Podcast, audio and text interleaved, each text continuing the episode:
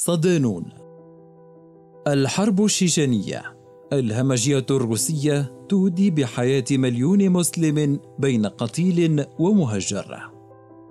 مقال لعماد عنان ضمن ملف سجل روسيا الأسود. شهدت الساحة الشيشانية العديد من المجازر التي ارتكبتها القوات الروسية خلال ست سنوات مقسمة على حربين منفصلتين الأولى كانت بين عامي 1994 و 1996 والثانية بين عامي 1999 و 2000 وانتهت بوضع الشيشان تحت السيادة الروسية فيما خلفت آلاف القتلى وأضعافهم من المصابين. وقد شكلت الحربان عنوانا لطموحات الاستقلال لدى الشعوب المنضوية سابقا تحت الاتحاد السوفيتي التي تعامل معها الوريث الروسي بوحشية مفرطة غير مبال بالدماء التي أريقت على تراب تلك الدول. إذ كان الشعار الأبرز هو عودة الإمبراطورية المنهارة والزود عن سمعتها بين دول المنطقة وسكانها. وكعادة الوحشية الروسية فقد تسببت الغارات المتواصلة التي شنتها قوتها ضد السكان المدنيين في البلاد إلى حمل أكثر من 200 ألف شيشانية. 60% من إجمالي عدد السكان على الهروب إلى إنغوشيا المجاورة. هذا بجانب تفشي جرائم السلب والنهب وهتك الأعراض في مشاهد نددت بها المنظمات الحقوقية واعتبرتها انتهاكات ترتقي لجرائم الحرب.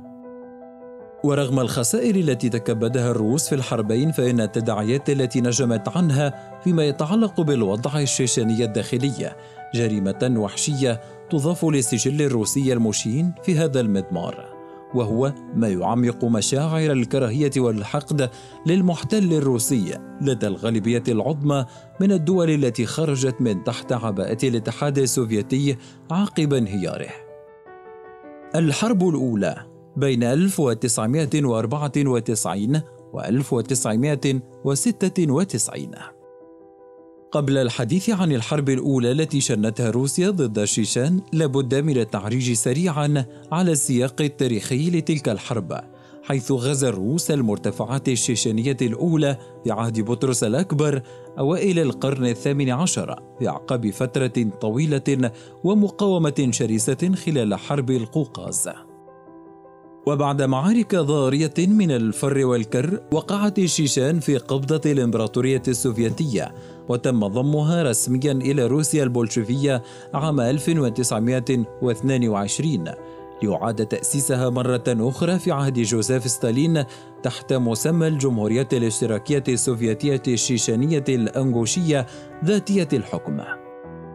وفي عام 1944 تم ترحيل قرابة مليوني شيشاني وعدد آخر من شعوب القوقاز الشمالية إلى سيبيريا ووسط آسيا بناء على أوامر من الإمبراطور الروسي لافرنتي بيريا كعقاب رسمي بتهمة التعاون مع القوات الألمانية في الحرب العالمية الثانية لتلغى معها جمهورية أنغوشيا والشيشان.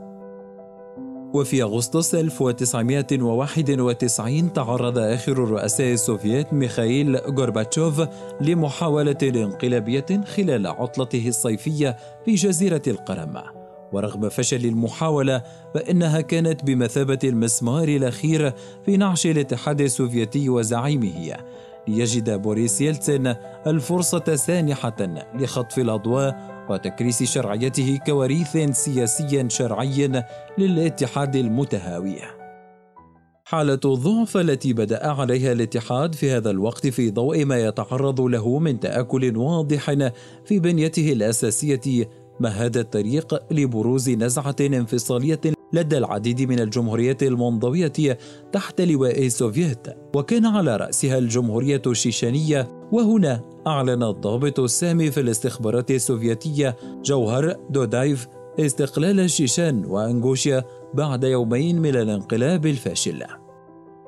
استند دودايف في خطوته تلك إلى العلاقة القوية التي كانت تربطه بيلتسن معتقدا أنه لن يبخل عليه بالدعم مكافأة له على موقفه الداعم له خلال محاولة الانقلاب. ورغم عدم اعتراض الرئيس الروسي بداية الأمر كان ينظر بقلق لما يحدث في القوقاز. لكن الأوضاع في موسكو كانت تفرض التعاطي مع أولويات أكثر حيوية قبل البت في الملف الشيشاني. لم يستسغ يلتسن انفصال الشيشان وهو ما دفعه للعزم على العمل من أجل استرجاعه مرة أخرى. وبعد أن استتب به الأمر دعم قيادات شيشانية مناوئة لدودايف ودفع قيادات محلية عسكرية إلى حمل السلاح ضده عقابا له على رفض التوقيع على معاهدة الاتحاد الروسي التي عرضت للتوقيع في مارس آذار 1992 وكان الشيشان الإقليم الوحيد الذي امتنع عن توقيعها. وفي نوفمبر 1994 تعرض نظام دودايف لانقلاب عسكري دموي مدعوم من الدولة الروسية إذ شارك فيه جنود جندتهم الاستخبارات الروسية لإسقاط نظام الرافض للتماشي مع الأجندة الروسية الجديدة. لكن المحاولة باءت بالفشل وهنا كان التصعيد في مسار التحرك. ومع إخفاق الانقلاب قررت موسكو غزو شيشان بشكل رسمي. فمع مطلع 1995 أرسلت 30 ألف عسكري إلى هناك. دخلوا العاصمة غروزني بعد قصف مدفعي وجوي بدأ أشبه بالمجزرة المنظمة منه بالحرب. أسفر عن مقتل 25 ألف شيشانية أغلبهم من المدنيين. ونزوح نحو نصف مليون مسلم من سكان البلاد فيما قتل من الجيش الروسي قرابة خمسة ألاف عسكري. لم يقف الشيشانيون مكتوفي الأيدي أمام غزو بلادهم حيث بدأت عملية الانتقام سريعا ففي يونيو من نفس العام حجز المجاهدون رهائن بمستشفى في بودينوفسك. انتهى بتدخل القوات الروسية ومقتل 150 شخصا وفي الشهر التالي قبل الشيشانيون التوقيع على وقف إطلاق النار لكنهم سرعان ما عادوا إلى حمل السلاح مجددا. في ديسمبر كانون الأول 1995 الموالية. وكثفوا عملياتهم في العمق الروسي واحتجزوا رهائن بكيزليار في يناير كانون الثاني 1996 وانتهت العملية بمقتل ما بين 50 و 150 شخصاً.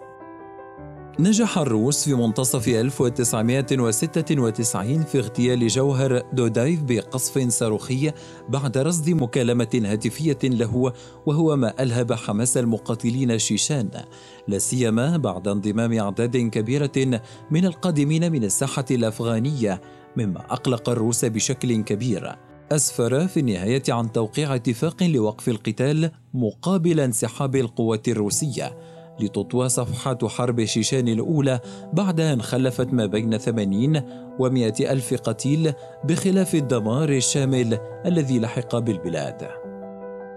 الحرب الثانية بين 1999 و 2000 الفشل في احتلال الشيشان خلال حرب السنوات الثلاثة الأولى كان وصمة عار في جبين يلتسن ونظامه رغم تورطهم في سقوط عشرات آلاف القتلى المسلمين مما شعر معها الجيش الروسي بالإهانة والمذلة منتظرا فرصة أخرى للانتقام واستعادة هيبة بلاده التي تعرضت لهزة عنيفة داخل الشارع الروسي.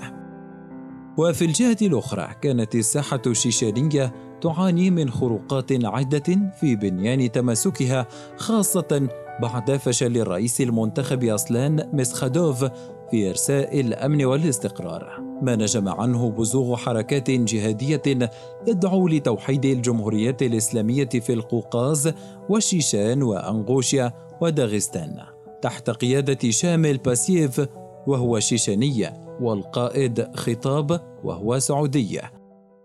الأجواء حينها كانت مهيئة للروس لمعاودة الهجوم مرة أخرى لا سيما بعد تعيين رئيس المخابرات آنذاك فلاديمير بوتين رئيسا للحكومة ثم رئيسا لروسيا بالإنابة في أغسطس 1999 وذلك بعدما عينه يلتسن الذي كان مقتنعا بقدراته مقارنة برئيس وزرائه وقتها سيرجي ستيباشين.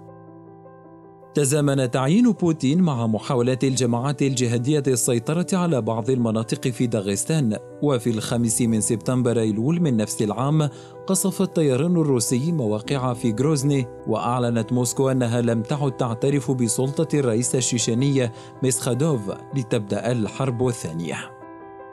في الثالث والعشرين من نفس الشهر دفعت روسيا بنحو ثلاثين ألف جندي إلى الحدود الشيشانية لتدخلها وتواصل تقدمها إلى غروزني التي وصلتها في اليوم الأول من عام 2000 أي بعد يوم واحد من تولي بوتين رئاسة البلاد إثر استقالة يلتسن وفي إبريل قدم ميسخادوف مقترحا للسلام لكنه رفض من موسكو حيث رفع بوتين شعارات الحرب للقضاء على المسلمين في القوقاز.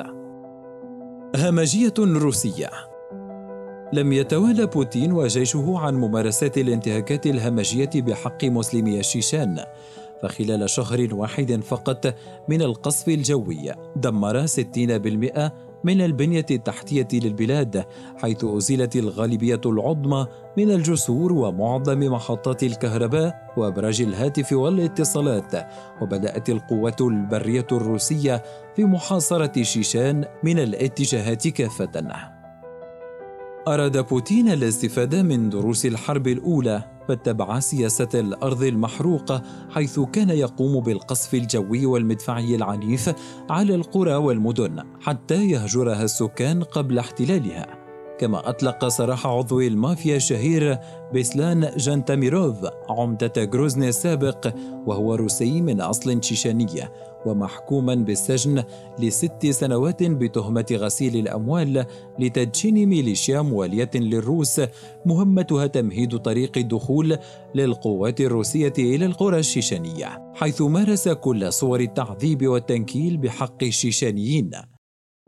حاول مسخادوف تحصين العاصمة قدر الإمكان فحفر الخنادق حولها ولغم مباني بأكملها ونجح بداية الأمر في تكبيد الجيش الروسي العديد من الخسائر لكن بنهاية نوفمبر 1999 أحكم الروس حصارهم حول المدينة ليهرب الرئيس الشيشاني خارج المدينة ومعه مجموعة من الحرس الشخصي الخاص به.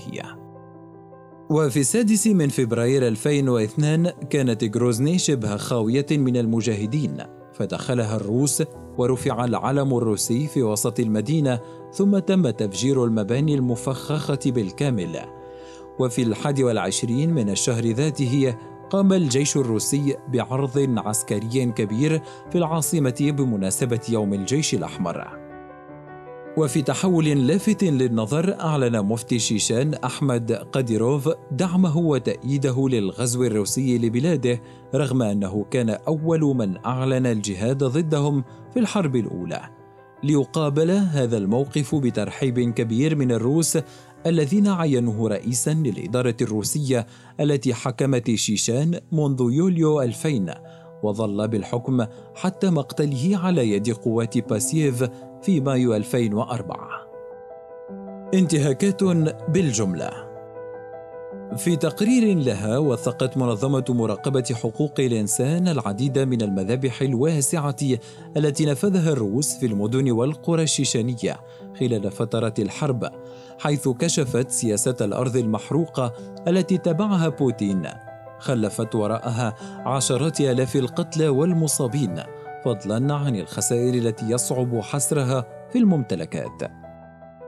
وأضافت المنظمة أن الغارات المتواصلة التي شنتها القوات الروسية ضد السكان المدنيين دفعت أكثر من 200 ألف شيشاني على الهرب إلى إنغوشيا المجاورة مما ألقى على كاهل السكان المحليين الذين لا يزيد عددهم عن 300 ألف عبئا لا قبل لهم به. لافتة إلى أنه لا يزال كثيرون آخرون من السكان المشردين من ديارهم محاصرين داخل الشيشان خاصة في مضيق نهر أرغون الجنوبي حيث باتوا عاجزين عن التماس موضع آمن بسبب رفض القوات الروسية فتح ممرات آمنة تسمح لهم بالعبور. كما أماطت اللثام عن بعض ملامح الحياة داخل مخيمات اللاجئين التي وصفتها بالمتردية حيث يعانون من نقص المأوى والطعام والماء النظيف والتدفئة وغيرها من الضروريات. وتابعت ولا تعيش إلا قلة قليلة منهم داخل المخيمات المكتظة أو عربات السكك الحديدية. أما الغالبية فتعيش في ملاجئ مؤقتة أقيمت في المزارع المهجورة أو حاويات الشحن الفارغة أو غير ذلك من المآوي التي هي دون المستوى المطلوب. التقرير التوثيقي الذي نشرته المنظمة على موقعها على الإنترنت أشارت إلى أن الكثير من اللاجئين الشيشان اضطروا إلى دفع مبالغ طائلة لشراء بيوت خاصة ولما كان اللاجئون مضطرين للاعتماد على مواردهم المحدودة من أجل تدبير معاشهم فكثيرا ما يضطرون للعودة إلى المناطق التي ما زال بها قتال معرضين حياتهم للخطر من جديد. ومن مظاهر التنكيل الروسي أن السلطات هناك ما كانت تسمح للمنظمات الإنسانية بأن تعمل بحرية في إنغوشيا وتكاد تمنع وصول أي مساعدات مباشرة للمحتاجين داخل الشيشان فضلا عن عدم ذهاب أطفال اللاجئين للمدارس وهو ما انعكس على الخريطة المجتمعية التي تعرضت لضربات موجعة. واختتم التقرير استعرضه للانتهاكات الروسية بأنه منذ بداية الحرب انتشر السلب والنهب في الشيشان. فقد أبى الجنود على نهب بيوت المدنيين ونقل المسروقات في شاحنتهم العسكرية وتخزينها في ثكناتهم في وضح النهار وهم يفعلون ذلك على رؤوس الأشهاد وعلى مرأى من السلطات الروسية التي لم تحرك ساكنا حيال تلك الجرائم ما يجعلها شريكة في هذه الأعمال بحسب المنظمة. وبعد سنوات الحرب الدامية تبين أن منهجية ربط الشيشان بالتطرف الإسلامي آخر نسخ التشويه الممنهج الذي تقوده روسيا منذ القدم. منذ عهود القياصرة ومحاولات احتلالهم لمنطقة القوقاز برمتها وحملات الإبادة التي أغمض التاريخ عينه عنها مثل كثير من الابادات التي كانت طي النسيان كمحصلة لتسويات قوى عظمى ومنتصرة. لتبقى أطلال تلك المذابح خير شاهد على همجية لم يعرف التاريخ الحديث مثلها.